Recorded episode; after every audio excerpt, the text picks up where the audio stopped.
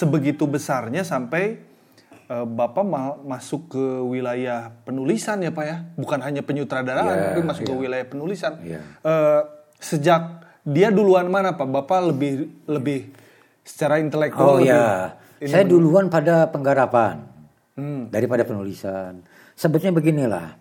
Dulu saya tahun 80-an saya berpartner dengan Godi Suwarna. Oh, ya. Jadi setiap garapan saya itu baik untuk televisi, untuk apa gitu. Naskahnya banyak dibuat oleh Godi Suwarna itu. Dan kemudian dia pindah ke Ciamis. Saya dapat kesulitan. Dan kemudian saya masuk di SMKI untuk yang sudah nih ya. ya. Saya berpartner dengan Nano S. Hmm. Nano S sering menulis naskah. Nano S jadi pejabat dipindahkan. Wah. Dan akhirnya dari dulu juga saya merasakan saya juga mampu lah. Tapi lebih baik saya banyak kerjasama dengan orang. Hmm. Nah sekarang orang yang dulu sempat saya andalkan dalam dunia penulisan, ada reweh gitu. Ya, ter, ya bukan terpaksa ya, memang harus dilakoni. Saya harus menulis sendiri. Karena saya melihat maksudnya itu beberapa sedikit dari beberapa seniman senior yang memang uh, kan ketahuan pak kalau orang seneng nulis itu pak. Iya. Oh ini tuh orang yang terbiasa nulis gitu. Bapak itu salah satunya. Artinya itu berarti ada ada perjalanan yang membuat kenapa bapak jadi senang menulis juga gitu. Ya artinya menulis itu kan sangat paralel atau identik dengan membaca. Ya. Ya pada saat kita membaca justru banyak yang masuk pada pola pikir kita, gerak pikir kita terutama.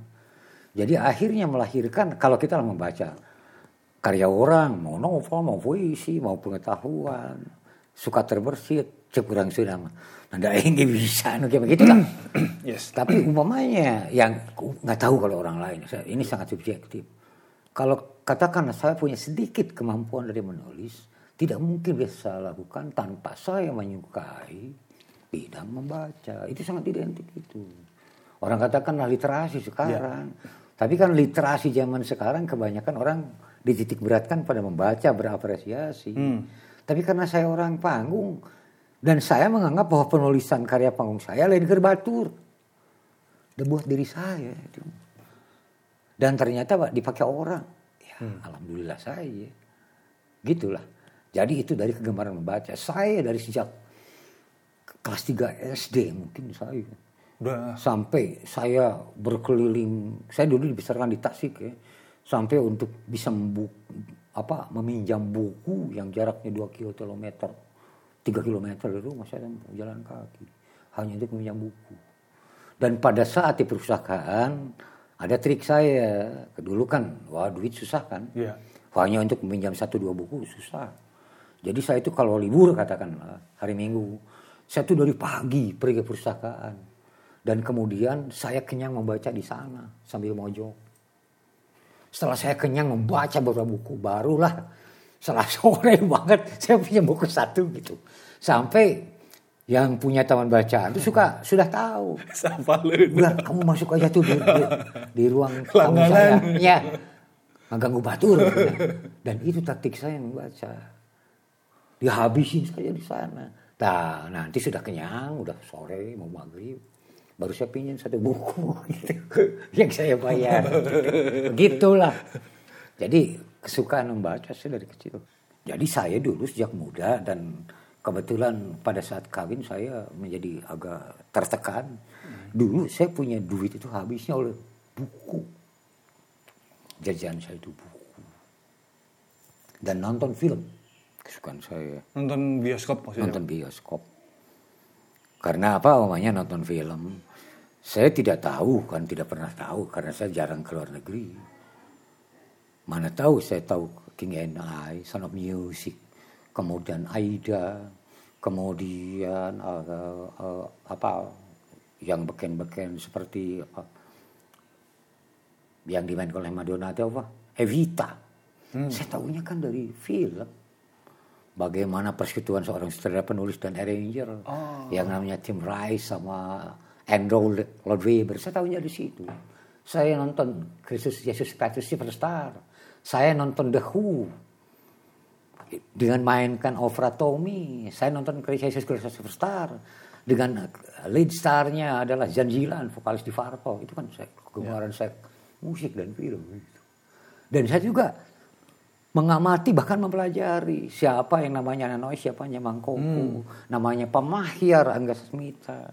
Dan kemudian saya tahu persis, bukan persis ya, sedikit tahu lah bagaimana Wahyu Bisana melahirkan Galuh Megurug Temenggung, Inten Dewata, Moning di Kusuma, Raf, Raden apa Rahmatullah Kafani membuat Pangeran Jayakarta perang. Hmm. Kang Yus Dokter Yus Risiana, Ya. Yus Risiana, beliau membuat uh, Gening Kersmen Kilagoni. Saya tahu. Makanya eh, saya tuh eh, sangat seimbang lah antara nalar dan taste saya tentang tradisi dan modern. Hmm.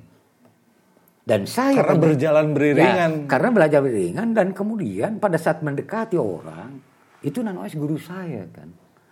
Tapi Nanoes sangat menghargai saya. Iya. Karena apa? Saya sering berdiskusi sampai Hmm. Kang Nano bilang ke Nah, nya nusok nyarekan jeung ngeritik akang talin urang kawit karawitan kakalah ayi di teater. Jadi saya cukup tahu kalau Ayi tahu, kalau Nano Es pernah be bestseller lah dengan karyanya Kalangka. Oh iya. Saya tahu banget itu prosesnya. Kang ini lagu jadi, meledak jadi Kang. Dan saya beri masukan-masukan, Kang, kalau Akang sebetulnya bagian-bagian ini kayak Beatles ya dalam lagu Ya, anu. Bagian-bagian ini kalau Akang pernah dengar dengar Mozart, ada di situ Kang. Ya. Dan Kang Nano merasa sangat senang. Akang mah jauh tapi Akang tidak tidak belajar, dan Akang nggak genial gitu loh. Hmm. Sampai ada lagu Rumaus ya, Rumaus, da da da da da da da da da da. Saya bilang itu blues deh Kang. Dan dan eh, bukan kecermatan saya mengamati karya-karya beliau sampai beliau merasa tersanjung gitu ya. Dan sampai sekarang namanya orang banyak nanya karya-karya Mangkoko ke saya. ya. ya, ya itulah mungkin anugerah saja gitu lah. Siapa orang eh bapak ikutan damas pak? Ya, Ikutan ikut. Berpengaruh nggak pak terhadap eh, pengembangan jejaring pertemanan di kalau secara jejaring tidak. Damas maksudnya. Ya, ya. Damas hanya memberikan sesuatu bagi saya untuk menempatkan diri sebagaimana orang Sunda yang lain. ah, Tapi jejaring tidak. ya, ya, ya. Saya tidak mau organisasi yang saya anggap ideal. mempengaruhi Iya. jejaring karir. Ya, tapi kan berpengaruhnya itu sama etika, sama vocabulary dan keterampilan berbicara saya dalam bahasa Sunda, mengartikan berbagai bahasa Sunda buku sampai sekarang. Saya dapat dari Damas sih. Oh, iya. karena karena eh, sebagai anak muda pak melihat di Damas itu banyak seniman-seniman besar. Jadi saya berasumsi bahwa Damas itu memang sumber jejaring berjejaring di wilayah seni budaya. Saya berasumsinya begitu. Makanya saya tanya ke ya, tuh. ka- saya terserang mungkin ada tapi itu relatif tipis Enggak ya. ya? Karena permulaan saya berkarya kan saya sebagai orang teater. Iya. Saya membuat karya adalah teater modern. Belakangan-belakangan ini kan saya baru menoleh pada tradisi. Di mana sedikit banyak saya juga sudah tidak terlampau kecil lagi tuh. Tapi umpamanya kalau saya tidak memperoleh pengalaman dari berkarya dalam teater-teater modern, ya mungkin tidak akan begini. Yang saya bilang kan teater modern itu meng, apa, mengisi gerak pikir saya gitu. Iya. Sedangkan naluri ya kebanyakan rasa-rasa tradisi, rasa-rasa primordial itu. Itu itu. eh kan basicnya itu teater tradisional ya pak. Ba- Bapak malah Bukan, saya teater modern. oh dari dari Teater modern. Teater modern. Iya. Oh jadi memang cuma memang berjejaring dengan Ya, orang-orang tradisional. saya orang teater modern. Kalau disiplin ilmu, Hmm. eh, disiplin formal maksud iya, saya iya, itu ya. Karena ada disiplin ilmu yang tidak formal, yang saya dapat dari Mang Ateng, dari Iya, Kang iya. Nano, dari Raf. dari siapa pun sama itu ilmu tapi secara basic yang sifatnya formal oleh saya adalah orang teater modern Oh. jadi makanya ya ya yang saya sebut dengan permasalahan bagaimana mengkolaborasikan pikir di mana kita tahu kita punya seorang filsuf maha hebat Panghulu Hasan Mustafa dan kemudian di Jawa ada Ronggo Warsito kemudian di Barat ada Sartre ada Hegel kemudian ada apa banyak-banyak lah. Ada Pythagoras ada Socrates. Nah ini saya gabungkan itu. Saya gabungkan itu. Jadi susah kalau saya berbicara. Ini teori mana? Enggak karena kalau yang dimaksud teori pengertian bacaan pengertian literasi saya sudah susah ngomong. Karena segalanya sudah larut menjadi darah dan nafas saya gitu. Jadi kalau saya sekarang maunya saya bukan orang sastra, saya dianggap oleh orang sastra sebagai pengamat. Bukan karena saya orang sastra, tapi karena saya orang teater. Hari orang teater pernah gulu naskah. Aduh, berapa ratus tuh naskah yang telah saya bedah, berapa puluh yang telah saya painkan. Ya sama karya sastra. Jadi pada saat menganalisa sastra sama saja sebagai sebagaimana tugas saya mengamati sebuah naskah. Iya, iya, iya. Jadi tidak mendalami sastra secara khusus, tapi terlatih secara Ya, ya dari natural membaca lah. Saya membaca tidak naskah. ilmu itu. Eh, kita bergeser sedikit Pak. Masih dari eh, urusan jual toil itu karena Bapak menyebut bahwa itu salah satu eh, rebel terhadap keadaan eh, mas sosial terhadap Ya. larangan pemerintah ke beberapa orang Iya. mengatasnamakan pemerintah ke Jaipongan. Eh, bagaimana pandangan Bapak sendiri terhadap terhadap pagugumnya dan terhadap Jaipongan, terhadap keseniannya Pak? Ya dari sisi apa tuh? Sisi keseniannya dulu pak fenomena kesenian saat itu saya belum lahir saya belum tahu Iya. Eh, fenomena seni tari atau seni pertunjukan saat itu bagaimana Hmm, lantas ya, ya saya ngerti. Persoalan Jaipongan pada saat itu dengan adanya berbagai fenomena intrik itu sebetulnya keter- keterkaitan dari dua hal.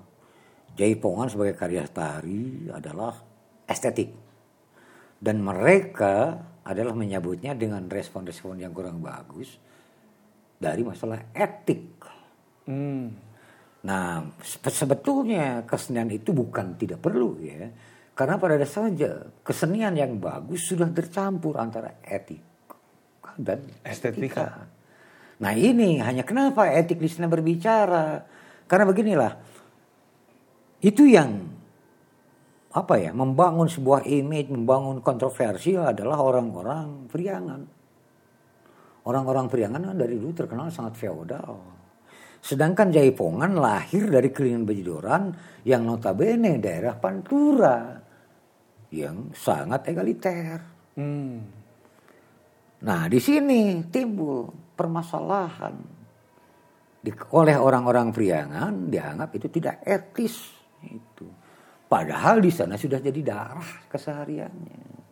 Kita beda budaya dengan orang Pantura, dengan Cirebon, Karawang dan Subang sampai ke Tangerang sana. Tapi masuk ke Bandung yang dapat dikatakan ibu kotanya budaya Jawa Barat ternyata jadi fenomena. Ini tidak boleh didiamkan. Karena fenomena tersebut dibangun itu bukan yang murni opini masyarakat. Itu hanya ketidaksukuan individual. oh, Yang kebetulan pada saat itu punya, Punya jabatan. kekuasaan. Kekuasaan itu saja. Dari masalah yang lain tidak ada. Jadi mari kita berpikir. Jadi timbul kan sebuah kesimpulan. Jadi kesenian yang bagus itu apa sih sebetulnya? Ya itulah yang tadi bilang yang bisa menggabungkan korelasi antara estetika dan etika. Gitu. serta inovasi pak. Ya inovasi itu kan itu jelas. Karena kesenian itu kan adalah hukumnya. Kedinamisan nilai. Ya. Yang tidak ber yang tidak jangan berhenti pada sebuah martabat. Harus bergerak terus. Hanya tantangannya pada saat pembaharuan itu timbul pasti ada gesekan. Yes Karena apa? Seorang Mangkoko, karena zamannya sama, Mangkoko juga tahun 50-an. Mangkoko oleh sesepuh-sesepuh seperti Pak Mahyar, terus Raden Musa, itu dikritik, Tenyunda, dan sebagainya. Ter, termas, termasuk Bapak nggak Pak? Ketika Bapak menggarap wilayah teater modern, orang-orang te, teater tradisi ini juga Ya, nah kebetulan orang teater tradisi itu kan mulutnya agak terbungkam. Karena mereka kan lahir dari dari orang-orang marginal. Hmm. Orang-orang marginal, di mana orang-orang marginal itu ya identikan dengan segala keterbatasan, keterbatasan merespon, Ya. keterbatasan bereaksi. Jadi mereka justru merasa terangkat. Oh. Jadi Mang Ateng kalau ditanya oleh wartawan-wartawan, Mang Ateng Mang Ateng punya perguruan tidak? Ya ini aja. Kelompok Mang. Mang Ateng punya murid tidak? Mang Ateng ngomong begini. Murid Mang mangan hiji. Cep Bambang Arayana di Asti. Itu Mang Ateng bilang begitu. Jadi dia bangga. Bangga bahwa bahwa apa yang dia geluti berpuluh tahun menjadi hajat hidupnya kemudian diangkat oleh orang kota gitulah Iya, iya. Per- per- bangga Tapi kalau dari dari se, se- seniman sejawat Pak atau dari akademisi gitu? wah nah itu nah itu Saya mau tahu Pak. orang akademis tuh sebetulnya orang yang yang katakan saya tidak semua ya tapi sedikit munafik lah ya jadi mereka itu orang akademis yang di mata saya tidak semua orang ya Berapa? jadi mereka itu yang banyak. yang saya lihat itu suka berdiam pada sebuah posisi diam bagai danau yang tidak ada angin dan tidak apa jadi pada saat ada pergerakan itu mereka panik gitu. Takut Oh. tenggelam takut apalah gitu. Ya panik. Nah jadi pada dasarnya dan saya kebetulan saya bukan penakut. Saya siap jemput itu aja lah atau mau bisa kiri Iya. nah itu saya satu aliran untuk urusan itu. Otak dan otot. Jadi cek si Sri Haji mah kira jelema teu bisa diajak ngomong eh mah ngajak gelut gitu. Itu menurut sahabat justru dan kebetulan satu angkatan saya si Sri Haji Rahman Sabur Iya. itu hampir sekarakter. Dan saya tidak pernah bersantun-santun untuk urusan ini. Paling-paling banyak mengkritisi yang asbun lah ya. Karena kritik itu kan macam-macam kan ada kritik yang membangun yang harus kita dengarkan. Ada kritik yang asbun. Tapi ada kritik juga yang tidak memberikan solusi apa-apa. Membereskan jadi itu resolusi ya di- lebih di asbun mah ya kenapa harus takut loh dan saya tidak pernah takut. Percuma saya dilahirkan untuk bisa mengabdi dalam dunia kesenian. Apabila saya seorang penakut dan pecundang mungkin saya sudah saya tinggalkan dari dulu karena tantangan itu selalu datang. Bapak sam- sampai detik ini. So, oh. sampai saya tidak bisa ngomong. Ya paling-paling kan eh, Kang ya anu-anu anu teh ngomong kia lah tong seueur carios atuh ngadamel Nah, langkung saya tikuring lamun perlu orang jeung nu aing? Gitu. gitu aja. Kok kenapa saya orang Sunda saya tahu banget lah orang kudu apa asor orang kudu rengku kak saluhur orang ngajak gelut mah kudu rengkuhan. Ajakan dia gelut